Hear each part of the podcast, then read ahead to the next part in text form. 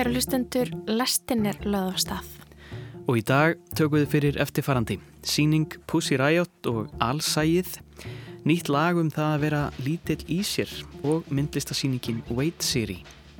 Og þar kannski svona kviknaði þessi áhugi á að skapa eitthvað sem að væri þá kannski frekar ætlað að snerta eða lykta og svona einmitt sérstaklega því að við lifum í svo sjónrænum heimi það er svo mikið sjónrænt áreiti endalist Þar gerðu sér grein fyrir mikilvægi þess að geta samlagast rýminu haft eftirlit með sjálfum sér að hætti allsjárinar því til að ná inn í helgasta við kirkjunar upp að altarinu urðu þær að haga sér í samræmi við ríkjandi kildi Ég veit ekki, kannski er þessir hópar sem maður þarf að ná til ekki endilega að koma í leikhúsi mm.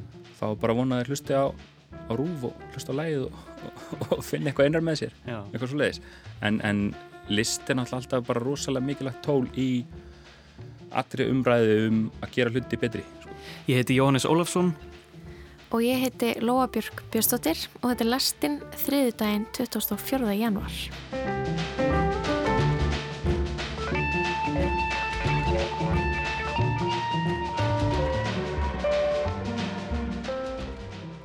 Við viljum að hefja þátt dagsins á myndlist og ræðum við Sunnu Svavarstóttur myndlistakonu.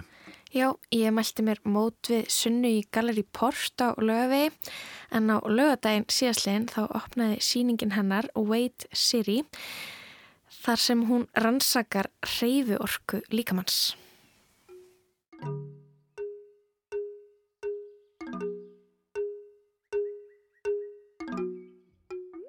Nún er ég að fylla á e, innsetninguna og í rauninni bara endurstillana.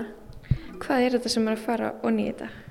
Þetta er salt. Ok, ég finn svona saltbræð. Já, það var einmitt líka, e, já, pælingin. Ég er vinn svolítið mikið með bæði snertingu og, og lyktaskinn og hef mjög gaman að því að vinna með e, svona skinnfærin okkar öll og fannst þetta skemmtilegt að nota saltið til þess að fá bræðið í loftið líka. Frekar aldrei um bara sand? Já, einmitt. Ekki það að sandur hefur nú líka öruglega haft einhver áhrif á loftið, loftgæðin. ok, getur þú líst því aðeins fyrir mér því sem við sjáum hérna inni? Þetta er allt sem er örfitt, myndlist í útvarpi. Nei, það er bara skemmtilega hérna skemmtilega æfing af því að mér finnst þetta gaman að vinna með öll skinnfærin.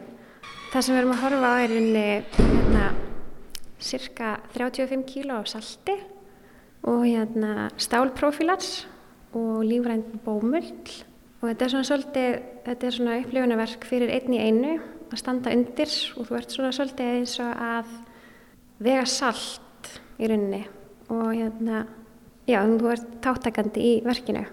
Þú ferð undir þetta bláa eila lag sem hangir inn í loftinu.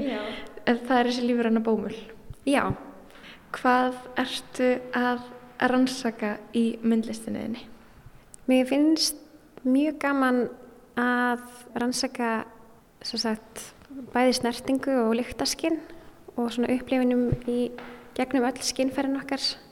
Og ég hvet oft fólk til þess líka að loka augunum þegar það er kannski að upplifa myndlist.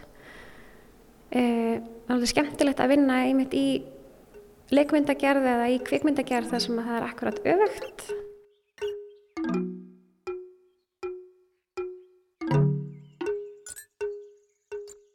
Þú útskrifast 2019 í Haag. Hvað varst það að læra?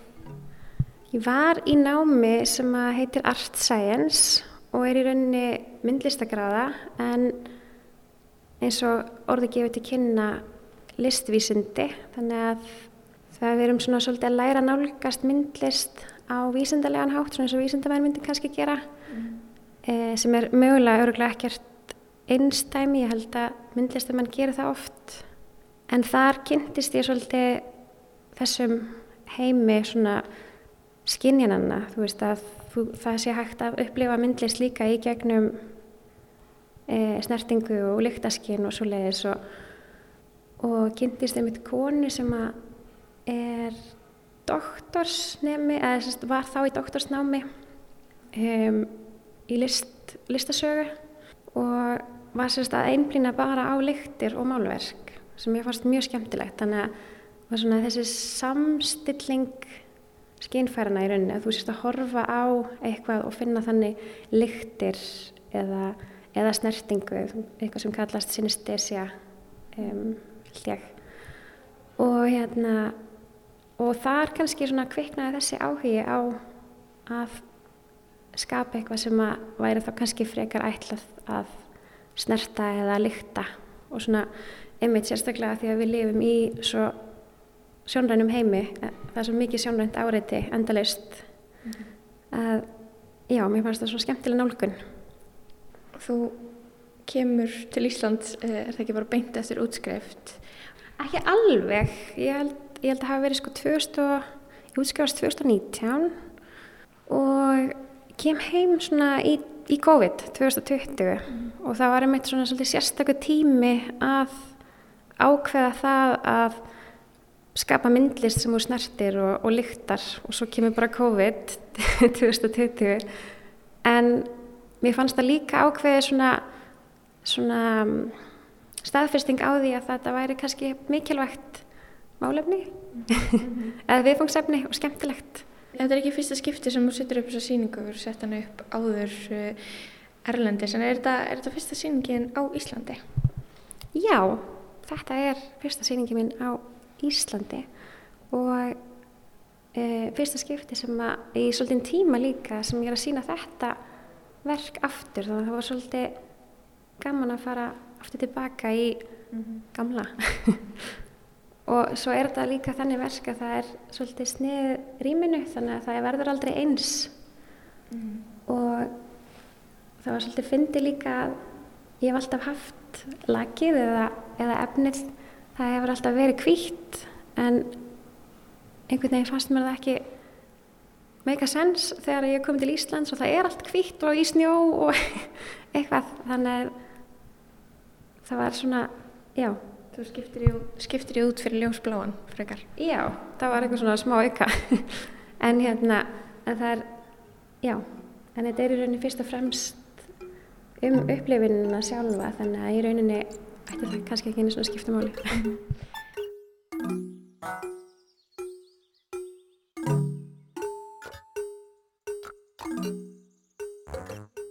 Ég meina heimskulega spurningu sem, en þú getur örgulega útskýrta fyrir mér. Hver er svona, hvað er myndlistin í þessu? Er það, hvernig þetta allt saman lítur út? Er það samhengið hérna, þetta sé bara í þessu galleri? Er það það sem gerist þegar þú lukkar augunum? Er það einhvern veginn þetta allt? Í mögulega þetta allt, en kannski fyrst og fremst fyrir mér, það sem ég er að reyna að gera er er svona þegar þú lokar augunum og, og þú tekur þig kannski smá pásu og gefur einhverju svona hleypir inn einhverju upplifin gefur henni smá tilveri alltaf það sé já, og bara samspil, alls konar eins og þú varst að segja þann Hvernar byrjar að vinna þetta verk? Um, það hefur verið 2019 já, það er já, 2019 þá var ég að skoða svona tæki á netinu. Það var fyrir eitthvað annað sem er eiga hjálpaðar að vera í réttri líkamstöðu og ég mæla eiginlega með að fólk fari í ísulegis postjör, device eitthvað á Google af því það var mjög fyndin og var mjög fyndin hérna tæki sem komið hann upp. Og þá var ég svona aðeins byrja að pæla í þessu hérna, þessari upplifin með að taka hjálm af höfði. Og þá ertu svona líka minnir að endurstilla sig.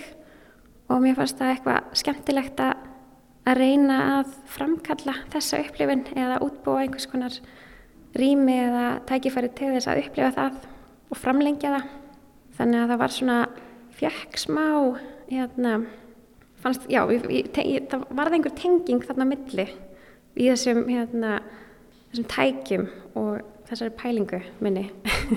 Þannig að það var hann að, já, 2019. Ég fór strax að hugsa um þegar maður krakki og setti hendurnar út í þrýstiðum, svona út í hurðakarmin og hérna þrýsti og þrýsti og þrýsti og svo stegum maður fram og hendurna svona svið, svið upp í loft. Algjörlega, já og það er svona, þetta er akkurat einmitt svona pælingar sem er mjög skemmtilegar.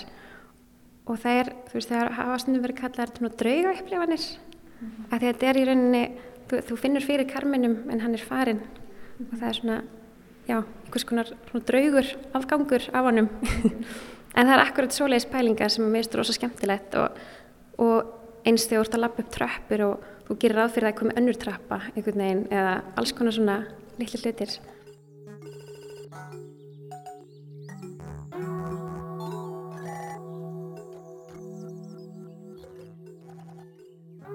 Við erum nú í, í Gallery Port, það sem myndlist er seld.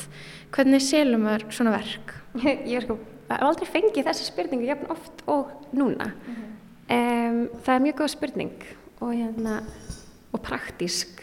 Ég er greinilega ekki mjög praktísk. En það er til dæmis hægt að ég er að selja ljósmyndir til dæmis af hérna, verkunum. Eða, sérst, þá er manneski að hérna, að upplefa verkið. Það er ljósmyndir af því, þetta er líka svolítið notað sem leiðbynningar fyrir verkið. Um, það er hægt að leia það, ég hef leikt það. Það er svona, þetta er mjög órá, óromantískar hérna, pælingar samt, en þá á það leigusamning, þannig að það er hægt að leia það. En það þarf í rauninu náttúrulega auðvitað alltaf að, sko, útbúða þannig að það passi í rýmið þannig að það er alltaf smá púsl Og þú hefur leikt það út oft? Ég hef leikt það út, já hvert, Má ég spyrja hvert það fór í leigu?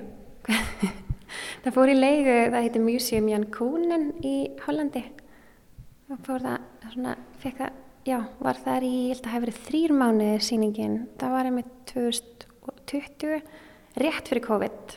Það var svona, já og var þar eiginlega þegar að COVID skall á. Þannig að það var svolítið fyndið að vera með verk sem var gert til þess að snerta.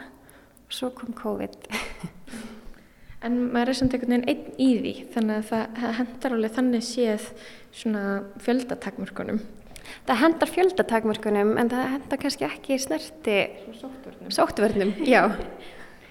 það, já. En hérna mjög góða punktur. Það er náttúrulega eiginlega bara gert fyrir einn í einu. Þannig að hendar vel fyrir fjöldatakmarkanir Erstu mikið að standa undir, undir þessum 30 er þetta ekki salt sem er í núni? Jú. Erstu, erstu mikið að standa undir þessu? Ég hef gert það, ég hef kannski gert það mikið núna. En hérna ég stend undir því akkurat núna mm -hmm. en, en jú, ég hef gert það mikið. Og ég, ég held ég hafi líka oft gert það sem barn að taka eitthvað svona og nutta því við hausinn eitthvað. Og hérna fannst þetta svona þægileg upplifun einhvern veginn. Þú, þú varst í þessu námi sem þú talar um þar sem að uh, já, art science, það ekki? Já. Ertu, þú veist eins og þetta verk ertu rannsóknar kona í því eða ertu að vinna meira út frá innsæðinu eða ertu einmitt að rannsaka eins og vísindakona? Mm, finnst, finnst gaman að segja þessi vísindakona sko, finnst það svo fallegt. En þetta er örgulega bara að blanda upp á þau ég held að já ég er svona já, einsæðis rannsóknar kona kannski mm. Það er þægilegt að starfa við list Já, þá getur maður alltaf pínu að fæla sér baki það. Að lókum, ég langar að spyrja út í þó svona, um, þau vart ekki að uh, búa til myndlist, þá vinnur við kveikmyndagerð. Mm -hmm. Hvað gerur þau? Ég hef verið í leikmyndagerð, vinn þar mikið með mjög skemmtilegu fólki og hérna, já, það er svolítið gaman að koma inn í svoleiðis heim eftir svona nám þar sem að ég var mikið að skapa eitthvað sem að kannski þurfti ekkit endilega þú, þú vart gæst hortaðað með lokuð eða svona upplifað með lokuð augun og koma svo inn í hinn heiminn sem er bara meitt akkurat öfugt, þetta er bara sjónræð mm -hmm. þú ert að útbúa leikmyndina fyrir eh, já og ég hef þá unni mikið með eins og heimi Sverri sinni leikmyndi hannuði mm -hmm. og hérna sýsti Björnsdóttir líka Já, menn þá skiptir ekki, ekki neina máli sko hvernig það er að snerta hlutin að upplöfa og þau þurfa bara að líti út fyrir að virka. Nei, einmitt, en, en ég held samt að það hjálpi til, þú veist að eins og þegar við erum kannski að vinna í settunum og kveikjum okkur, þess að kveikjum á kaffivílinni og það fyllist húsa kaffilikt og ég trúi því einhvern veginn að það hafi áhrif á heildarmyndina svo í lokin að það hafi einhvern tíman verið held upp á kaffið þarna eða borðaður matur eða það er svona, ég held að það smita alveg út frá sér þó að það kannski finnir þið ekki eint í gegnum skjáin mm -hmm. Hjálpa kannski leikurunum? Já, öruglega líka og bara, já algjörlega Hvað munir þessi síning standa einna lengi í Gallery Port? Eh, hún verður hér þar til annan februar en þess að fymtu daginn í næstu viku. Glæslega, takk fyrir spjalli Sjöna Takk fyrir komina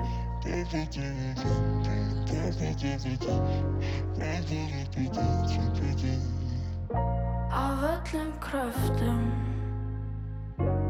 Nóttum var köld og hljóð. Alheimurinn starir á mig losna við sig. Röttin í klettunum Röttin í klettunum. Bergmála fegur þína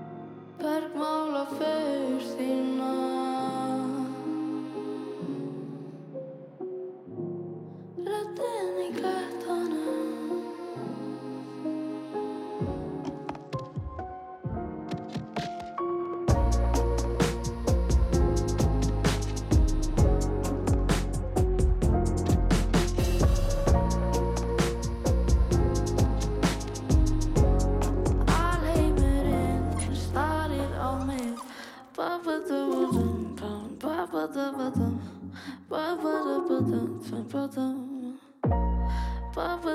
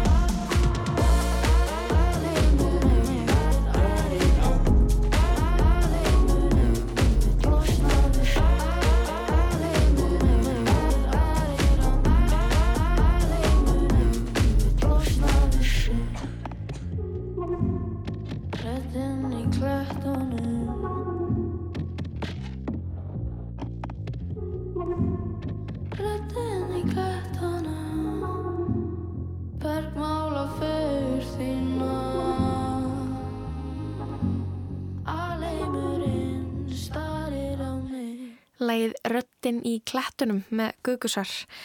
Þar undan rættu við við hana Sunnu Svavastóttur myndlistakonu um verkið hennar Wait Siri sem er núna uppi í Gallery Port á lögaveginum fyrir áhuga sama. Uh, og við ætlum að halda okkur við listina en huga að Ögn pólitískari list. Melkorka Gunnborg Bræjansdóttir ætlar að fjalla um Punkbæn Pussy Riot út frá hugmyndum Michel Foucault um allsæð. Uppreist er alltaf fallegt fyrirbæri. Svo hljóðar tilvittnun í endurminningabók Maríu Aljokínu eða Mössu eins og hún er yfirleitt kalluð, eins helsta forsprakka rúsnesku gjörninga og pönkljómsveitarinnar Pussy Riot. Bók hennar Riot Days segir frá gjörningi sveitarinnar í kirkju Krists frelsara í Moskvu árið 2012, viðburði sem gerðana heimsfræga en skilaði tveimur meðlemum hennar einnig tveggjára fangilsisvist í afskektum rúsneskum vinnubúðum. Baróta Pussy Riot fyrir líðræði og málfrelsi er hverginari hætt en á síðasta ári var bókin Riot Days þar sem massa rekur aðdraðanda gjörningsins, réttarhöldin og fangilsisvistina Grunnurinn að síningu sem Pussy Riot ferðast með um allan heim nú síðast í þjóðleikús Íslendinga fyrir rúmri viku síðan. Sjálf var ég 12 ára þegar meðlemið Pussy Riot gengu inn í domkirkju Krists frelsara í Moskvu. Ég man vel eftir því að hafa seðar í kvöldfrettunum, klattar í lambúsettur, kjóla og sokkaböksur, hrópandi og dansandi upp við alltari kirkjunar og þó ég skildi ekki samhengið mann ég eftir að hafa skinnjað að eitthvað stórt hefði átt sér stað. Mér langar að einblýna á þennan gjörning sem hratt öll af stað, punk bænina svo kalluðu. Hvernig lísti þessi gjörningur sér og hvernig tókst honum að valda svona miklum usla? Með öðrum orðum, hvernig streytist punkbæn Pussy Riot gegn regluverki rúsnesks samfélags.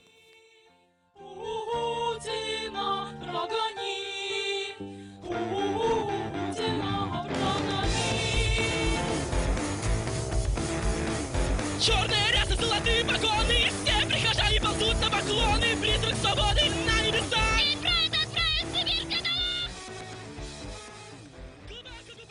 Þann 12. februar 2012 gengu fimm ungar rúsneskar konur inn í domkirkju Krists frelsara í Moskvu, klættar í neonlitaða kjóla og sokkaböksur undir vetrarfötunum. Upp við alltari kirkjunar sem tilheyrir rúsnesku réttrúnaðarkirkjunni settu þær upp mislittar lambúsettur og hófu að flytja eins konar pönkbæn, byggjandi Marju Guðsmóður að útskúfa Pútín rúslandsfósetta. Þó konurnar fimm hafi fljótlega verið handsamaðar af öryggisverðum kirkjunar, náðu þær að taka gjörningin upp á myndband. En upptakan vakti heimsatikli og markaði upp af feminískrar og pólitískrar baratu sem enn sér ekki fyrir endan á. Það fer ekki á milli mála að hverjum pönkbænin beinir spjótum sínum, því líkt og önnur verk Pussy Riot gaggrínir hún ólýðræðislegt stjórnkerfi Rúslands, kerfi sem krefst undir gefni þegna sinna, ítir undir kynjamísrétti og homofóbíu og lítur á skoðanaskipti sem svik eða guðlast. Sérstaklega gaggrína gjörningar hópsins allræðistjórn Vladimirs Putin, Rúslandsfósita, en segja má að hann sé fyrir þeim eins konar holdgerfingur spillingar. Með orðinu Pútín eiga Pussy Riot yfirleitt við það kerfi kúunar sem hann stendur fyrir, hugmyndafræðans og þær breytingar sem stjórnans hefur gert á lagakerfi, mentakerfi og stjórnarskrá landsins. Hér má nefna að í aðdraganda punkbænarinnar á árunum 2000 til 2008 hafði Putin meðal annars gaggjert unnið að lokun sjálfstæðra fjölmiðla og átti síðar eftir að banna samkynhegðan áróður í viðuvist ungmenna, herða reglur um internetnótkun og rýra samband Rúslands við saminuðu þjóðurnar og Allandsafsbandalagið. Þar að auki átti stjórn hans eftir að stinga fjölda mótmælenda í fangelsi, banna gleðigöngur hins einn fólks og stuðlað and feminískum aðgerðum í krafti hefðbundina siðferðislegra gilda. Sjálft myndbandið af punkbæninni er aðeins rúmar tvær mínútur að lengt. Það enginnist af óstöðugum skotum af konunum fimm þar sem þær standa uppi við alltari kirkjunar og dansa óstýrilátt og krampakent, baðandi út öllum öngum, kílandi og sparkandi út í loftið á meðan einn þeirra spilar á ramagsskítar. Inn á milli má sjá öryggisverði kirkjunar skerast í leikin, taka konurnar höndum og vísa þeim út auk skota af einkennisklættri starfskonu sem nálgast myndatökumannin til að stöðva upptökuna. Undir myndskeiðinu hljómar punk bænin sjálf sem einkennist af grófum punkljómum og ramagskítar og bassa leiknum yfir taktvastan og ágengan trommutakt. Teksti lagsins er frumsaminn og að mestu leiti rópaður í hljóðnamann af krafti og ákafa en inn á milli er hann brotin upp með blíðara viðlægi sem líkir eftir liturgískri kirkjutónlist réttrúnaðarkirkjunar.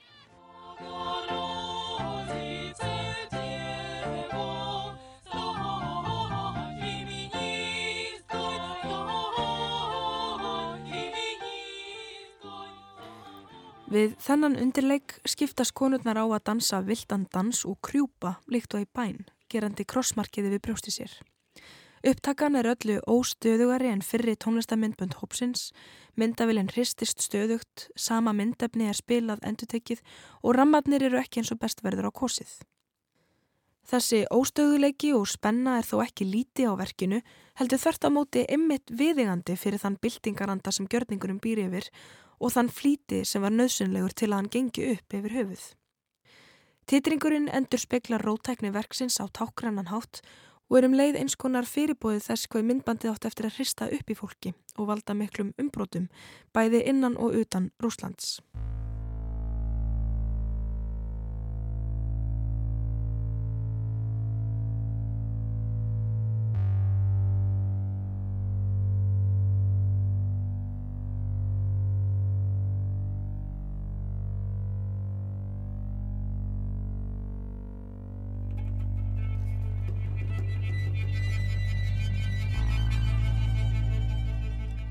Áður en nánaverðu vikið að rótækni punkbænarinnar langar með að fá lánaðar hugmyndir franska heimspekingsins Michel Foucault um allsjána.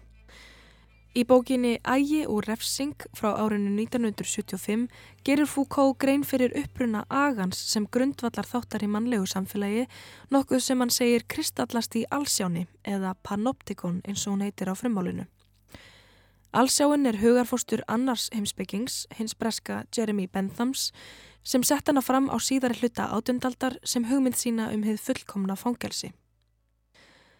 Allsjáin lýsir sér í ringlaga struktúr þar sem fjölda fangaklefa er komið fyrir í kringum stóran varðturn. Í varðturninum er fangavörður sem sér inn í alla fangaklefana en þeir eru hannaðar þannig að fangarnir geta hvergi falið sig. Þar að auki sjá fangarnir aldrei inn í turnin og geta því ekki vitað hvena verið er að fylgjast með þeim.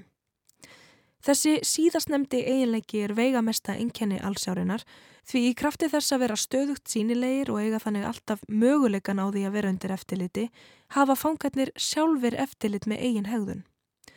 Það kerfi valdbeitingar og eftirlit sem allsjáin býr til stendur þannig undir sér sjálft því fangarnir haga sér líkt og þeir séu alltaf undir eftirliti, jafnvel þó engin eftirlitsmaður sé í varturninum. Í upphafi umfjöllunar sinnar um allsjána vísar Foucault í atbyrði frá lokum 17. aldar sem hann segir dæmi um raunverulega fyrirmynd allsjárinnar. Sem viðbræðuði bannvetni pláu hafi Evróskur bær gripið til örþrefaráða til að koma í veg fyrir smitt með því að stjórna öllum reyfingum bæjarbúa og refsa þeim sem brugðu út af reglunum. Á vegamikinn hátt bendir Foucault þó á að að baki óttanum við smitt búi annar djúbstæðari ótti valdhafa. Það séu ekki bara sjúkdómar og pláur sem séu smitandi, heldur einnig róttækar hugmyndir, byltingarandi og mótmæli, í raun öll hegðun sem fellur utan regluverksins. Þessi sín talar beint inn í punkbæn Pussy Riot en í kjölfar hennar voru reglur um opinber mótmæli í Rúslandi hertar með þeim afleðingum að í lok árs 2013 voru þau mun færri en áður. Í heild er myndlíking Foucault um allsjána gjörningi Pussy Riot í Domkirkju Krist frelsara mjög viðkomandi. Ekki síst vegna þess að í kjölfar hans voru meðlemur hópsins bókstaflega dæmtir í fangelsi. Þar með voru Masja, Nadja og Katja ekki lengur bara listamenn, heldur óvinnir ríkisins, líkt og Halla Harðardóttir komst að orði í viðsjá í november síðaslinum. Það sem er allra rótækast og áhugaverðast við punkbæn Pussy Riot er þó hvernig hún fer á afdrifaríkan hátt gegn regluverki allsjárinnar með því að ganga út frá því að verið sig að fylgjast með meðlumum sveitarinnar. Í stað þess að óttast eftirlitt líkt og fangar Foucault er aðteglinn þvert á móti ymmit það sem Pussy Riot vilja. Gjörningurinn snýr allsjáni við á bókstaflegan hátt með tilkomu öryggisvarðana Því með þeim verður eftirlitsverður Foucault hluti af verkinu, dreygin út úr varturninum og gerður sínilegur. Á tákgrænan hátt lýsir Marsa því hvernig hún var reikin út af öryggisverði á þá leið að það hafi verið óskýrt hver leiti hvern áfram. Hér er óljóst hver ræður yfir hverjum, hver fylgist með hverjum úr turni allsjárinnar. Í þessu sambandi ber einnig að nefna myndbandstreifingu gjörningsins því það var með upptökunni sem punkbæninni tókst að vekja aðtegli og stuðning alþjóðarsamfélagsins. Þess má geta að tilkoma eftirlitsmyndavilarinnar hefur yðurlega verið nefnd sem fulltrúi hugmynda Foucault um allsjána í nútímanum, enda er hún tæki sem hefur stöðugt eftirlit með þegnum samfélagsins. Í tilfelli pöngbænarinnar er hins vegar markvert að þar er myndavilin notuð á forsendum Pussy Riot til að hafa á viðsnúin hátt eftirlit með eftirlitsmununum, afhjúpa regluverkið. Við undirbúning pöngbænarinnar segir Masja meðlimi hópsins hafa þurft að brjóta heilan yfir því hvernig það rætt að haga sér eins og venjulegar stelpur í kirkju því þar hefði ekki hugmyndum hvað slikt hlutverk fæli í sér. Þar gerðu sér grein fyrir mikilvægi þess að geta samlagast rýminu, haft eftirlit með sjálfum sér að hætti allsjárinar, því til að ná inn í helgasta við kirkjunar upp að altarinu urðu þær að haga sér í samræmi við ríkjandi kildi. Stránt og formfast rými réttrúnaðakirkjunar setti þeim þröngar skorður. Þar ríkja skýrar reglur um það hvernig fólk má reyfa sig, hvað það gerir, segir, hvernig það hljómar, hvenar það krýpur og stendur, lítur höfði, fer með bæn í sammenningu eða fagnar. Það er síðan á afgýrandi hátt einmitt á helgasta stað kirkjunar í hjarta hins trúalega regluverks sem konurnar í Púrsi Ræjótt fara úr yfirhöfnunum og hefja pöngbæn sína. Þessi tiltekna staðsetning er sérstaklega rótæk í ljósi þess að í réttrúnaðakirkjum er konum bannað að standa á dreglinum fyrir framann alltarið, nema þar séu restitæknar eða brúðir.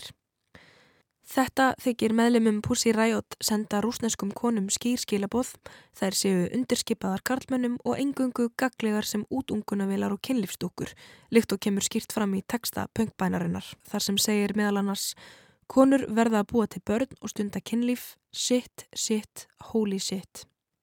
Aug þess deildi tekstinn á sífelt óljósari mörg ríkis og kirkju á eftirminnilegan hátt. Patriarkin Gundjæ trúir á Pútín, þessi tík ætti frekar að trú á Guð.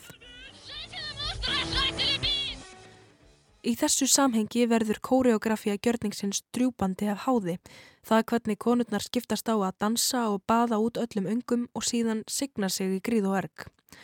Það að krjúpa og halla sér fram í tilbeðslu, gjörð sem venjulega til marksum trúarlega lotningu, snýst hér upp í andkverju sína, er íkt á grótaskan hátt og þar með umbreytt í íróníska og flugbeitta gaggríni. Um leiðir hún sandkorn í kerfi allsjárinnar Því teknilega séð eru konurnar að gera það sem á að gera í kirkju, fara með bæn, en bara ekki rétt. Gjörningurinn setur hefðbundið form bænarinnar í annað og nýtt samhengi því í stað þess að vera sótt í sálmabók eru orð pöngbænarinnar feminist ákall með setningum að borðu við Guðsmóðir Marja May rektu Pútín á brott og Guðsmóðir Marja May vertu feministi.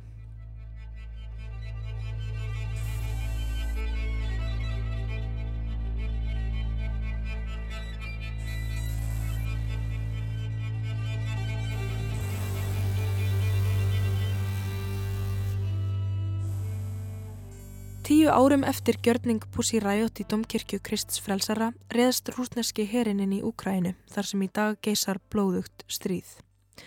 Skilabóð pöngbænarinnar hafa sjaldan átti að vel við og einmitt í dag þar sem rúsnesk stjórnvöld hafa fyrirskipað að það eitt að kalla stríðið sínur réttanapni sé refsivert með alltaf 15 ára fangilsistómi.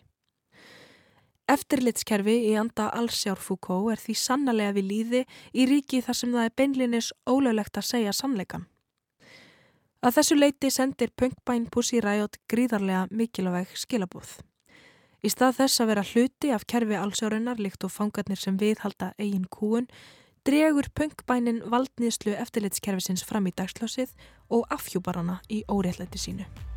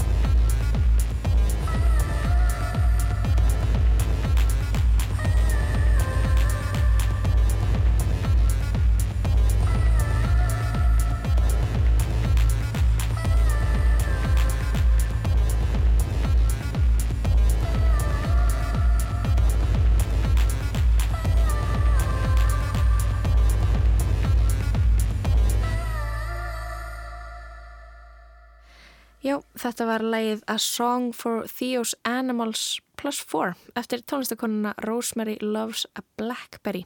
En hún er einmitt í Pussy-Riot síningunni og tók þátt í gjörningnum í kirkjunni sem Melgurka Gunnborg Brænsdóttir fjallaði um í pisli sínu. Þá að eh, tónlist eða einu ákveðnu lægi, við ætlum að fjalla stuttlega um nýtt lag sem var að koma út. Lægið hittir Smá Smár var upphálega hluti af síningunni How to Make Love to a Man sem sínt var í borgarleikursunni í fyrra. Það var leikópurinn Toxic Kings sem setti verkið upp og þar skoðuðu þeir karlmennsku frá ímsum hliðum. Og í þessu lægi syngur Ari Ísfeld Óskarsson um það hvað er gott að fá að vera lítill í sér stundum og sína tilfinningar. Ari Ísveld er leikari og starfar mikið við talsetningar um allan bæ en lestinn náði aðeins í skottið honum í dag og rætti við hann um lægið.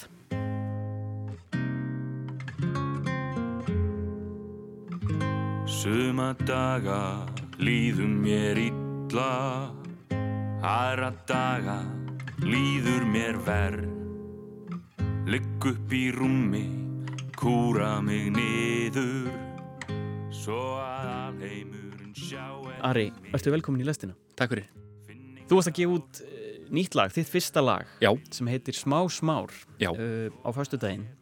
Uh, þetta var uppalega samið fyrir síningu sem, a, sem að þú varst hluti af How to Make Love to a Man í borgarleikusinu og uh, til hlutuð grímuna fyrir það sem sproti ársins. Já, svona partur af svona, þessu umbúðalöst verkefni. Það hlaut grímuna en við, við náttúrulega eignum okkur grímuna daldið svona. Þið voru hluta því. Við vorum hluta af, af prótistinu. Ég er svo lítið í mér Ég er svo lítið í mér Um, í þessu lægi, þú ert að syngjum það að, að vera lítill í þér og, og leifa þér að vera bara smá smár og það sé allt í lægi. Mm -hmm. Uh, segðu mér aðeins frá uh, tilurð lagsins, var það einhvern veginn vinnan við þessa síningu sem að skapaði lægið eða öfugt eða hvernig kom já, það til? Já, það var uh, vinnan við síninguna uh, sagt, og, og ég er náttúrulega hérna bjóðu til þegar við vorum í æfingaferli eða bara eitt af því fyrsta sem ég bjóð til sem partur á síninguna, þetta var svona uh, örlítið opnun sem ég bjóð til bara þessi texti og, og, og laglína Mm -hmm. sem kom svona til mín eftir mikið af spjalli okkar á milli í, í leikritinu um kallmennsku og, og tilfinningar spjalliðum rosalega mikið um það uh, og, og ég var eitthvað svona herri, ég verða ég verð að nýta þetta tækifæri, ég er komin inn inn í borgarleikusið Mm. ég ætla að sína hvað ég er ógeðslega góður að syngja líka. Þá hérna verði ég í Bubbi 2 eða eitthvað svona. Uh, svo bara satt ég á sófanum eitt kvöldi og kom þetta til mín hérna. Ég er svo lítill í mér, Já. þessi texti sko. Og bara eitthvað, já, það, Og er þe- þannig Og þetta kjarnar svolítið efni síningarinnar, þeir, þeir, að, þeir voru mikið að fjallum kallmennskuna í öllum sínum myndum. Já, rosa mikið emmitt og, og, og, og mikið um, um, um sko tilfinningar kallmanna og, og leifi að, emmitt, að vera lítill í sér og að, að tala við vini sína um, um bara allt. Fyrstu viðbröð við þessu lægi eitthvað sérstaklega eða svona, Já, sko, mér, mér fannst ég nefnilega að fá tóldi góð viðbröð við því uh, þegar vorum að sína og þá sérstaklega frá sko svona hópi kallmanna sem komu á síninguna sem voru kannski ekki mikið að leifa sér að vera litlir í sér. Mm. uh, og mér var aldrei gott að, að, svona, að klikkaði einhvað hjá þeim Mhm. daldi, og, og hérna kom mentaskóla hópur á síninguna hjá okkur og það var eitt strákur sem, í henni sem talaði um bara, bara þetta, wow, þetta er svo geggjaði mitt og, og gott að vita að maður hafi leifi til þess að- að vera smá smár stundum. Og eh, ég meina, er þetta einhver sérstaklega góðu tími til að því nú ert að gefa læginu svolítið svona sjálfstætt líf uh, út frá uh, síningunni. Er þetta sérstaklega góðu tími til að vera lítill í sér þessi janúar og já, svona gengur ítla á HM og, og allir svona ég held að strákarnir okkar verði bara að hlusta eins á lægið og, og leifa sér að að vera litlir í sér fyrir að hafa einmitt lendi þessu á HM sko Mhm. uh, og, og klálega þú veist uh, janúar er náttúrulega bara einhver versti mánuður uh, ársins mm Mhm. náttúrulega algjör vitlis eða fólk ákveður að fara í einhver svona edru janúar eða eitthvað svona kjættaði sko Mhm. af því að þú átt bara að reyna að gera lífið eins auðvelt og það getur verið í janúar Já, og bara vera undir teppi og, og gráta smá og, og knúsa Já. ég held að það sé bara eina sem þú getur gert í janúar og það er bara í góðu. Nákvæmlega. Um, sko, eins og þú segir, lægið fjallar um uh, svona kallmennsku og, og tilfinninga kallmanna. Uh, það er svona, já, þetta er náttúrulega innlegg í stóra, risastóra umræðu mm. og við sko sjá náttúrulega ekki fyrir endan á henni endilega eitthvað í bráð en, en hver, hver er svona staðan að þínum að því? Við erum, við erum að tala um eitraða kallmennsku og, og svo erum við að reyna að finna út hvað er þá góð kallmennska sem er einhvern veginn á hinnum pólnum mm -hmm. það eru fréttir af Andrew Tate og, og, og svo umræða öll hvernig stöndum við í þessari umræða? Uh, Miðar eitthvað áfram? Ég held að við sem alltaf að vera betri og betri og mér finnst svona, svona í gegnum söguna þá þegar einhver, einhverju miðar áfram þá er alltaf mei, einhvern veginn svona bakslægið verður alltaf uh, meira og meira, einhvern veginn svona það er svona einmitt með þetta Andrew Tate dæmi við sjáum að, að nú eru kallmenn kannski aðeins byrjaðar að opna sig um tilfinningar sínar og, og, og koma betur fram við hvern fólk bara yfir höfuð mm -hmm. sem að hefur kannski ekki verið mikið gert í, í gegnum tíðina. Og þá einhvern veginn kemur þetta var svona eins og með Me Too þú veist, að það, ok, við ætlum að taka völdin, eða svona taka hérna taka umræðina mm -hmm. og, og, og, og þá allt henni kemur svona bakslag nei, getum það ekki, við verðum hérna kattmenn verða að fá að vera líka með eitthvað mm -hmm. og það er svona smá, smá sem ég sé með þetta Andrew Tate dæmi og unga kallmenn í dag þeir eru svona, þeir eru að streytast á móti en ég held að það sé gott að ég veit ekki alveg hvert ég er að fara með þetta en svona, það er svona gott að það, það, það þýðir að umræðin er á herra plani og við erum að taka umræðina og það er alltaf einhver sem streytast á móti Mm -hmm. þannig að ég held að já það er alltaf minni og minni hópur held ég, mm. ég, ég sé að fara með þetta, ég var ekki alveg, komin einhvern út í hodnan held ég sko. en ég held að, held að umræðin sé alltaf að vera betur og betri uh, og við erum alltaf að vera opnari og opnari með tilfinningar okkar og með uh, bara að spjalla einmitt já. sko þetta í leikhúsinu já. sko er það góður farvegur fyrir þetta, hvernig Uh, hvernig lítur á, á sko, þú saðir hérna í, í viðtali við fréttablaði bara nýlega að, að þú væri svona að nota leikhúsi svolítið sem tól í þessari skulum nota bara orðið umræða uh, að svona hreyfa við uh, fólki, uh, sérstaklega kallmenn og, og svona aðeins að róta upp, en, en sko leiklistin sjálf fyrir þig, mm. þú veist hvernig er hún sérstaklega gott tæki til þess að einhvern veginn rannsaka þessa fletti samfélagsins? Já, alveg 100%. Þú veist, list ánáttúrulega alltaf að vera að rannsaka einhvað og vera að íta, íta umræðinu áfram sko og þá, einmitt, er leiklist rosa góð, uh, gott tól til þess að íta þessar umræðu áfram þótt að, ég veit ekki, kannski er þessir hópar sem maður þarf að ná til ekki endilega komi í leikhúsi. Mm. Þá bara vonaður hlusti á, á rúf og hlusti á lægið og, og, og finna eitthvað einar með sér, Já. eitthvað svo leiðis. En, en list náttúrulega alltaf bara rosalega mikilvægt tól í allri umræðu um að gera hluti betri sko.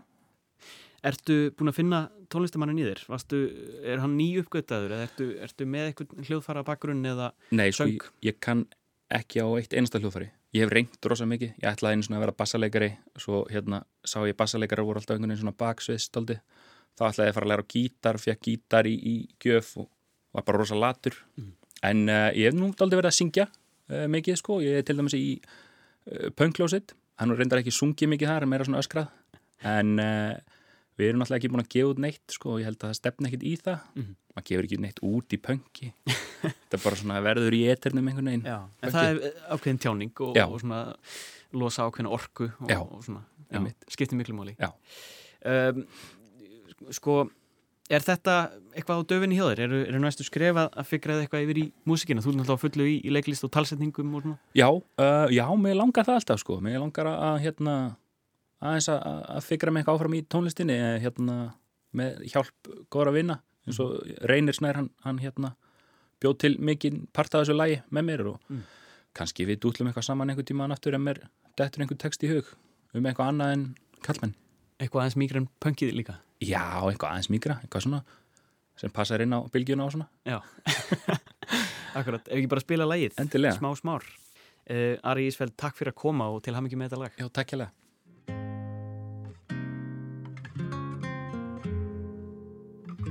Suma daga líður mér illa Aðra daga líður mér verð Ligg upp í rúmi, kúra mig niður Svo að alheimurinn sjá ekki mig. Finn enga orku eða vilja Svona eru stundum dagarnir. Ég er svo lítið í mér. Ég er svo lítið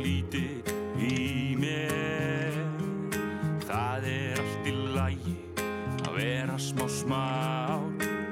Það er allt í lagi að vera smá smá. Ég er stór og skal vera sterkur. Ekta karlmaður, brúna þungur. Ég geri mistök, særi og segi. Hluti sem að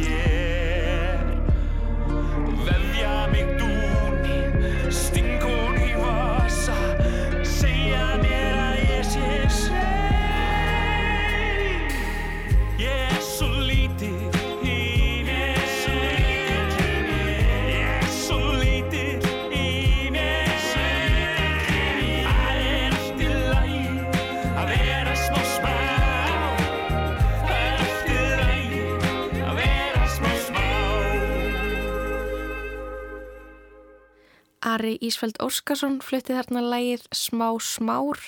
Þetta lag var uppháflega í síningunni How to make love to a man sem sínt var í borgarleikusinu.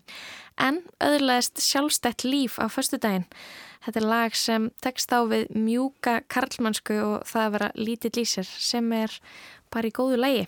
Ekki veitir af, eins og hann talaði um eftir, eftir svona eh, okkar þrautagöngu á HM á eftir kannski leikmenn íslenska landsinsins að bara hlusta á þetta lag og svona ná sér aðeins niður.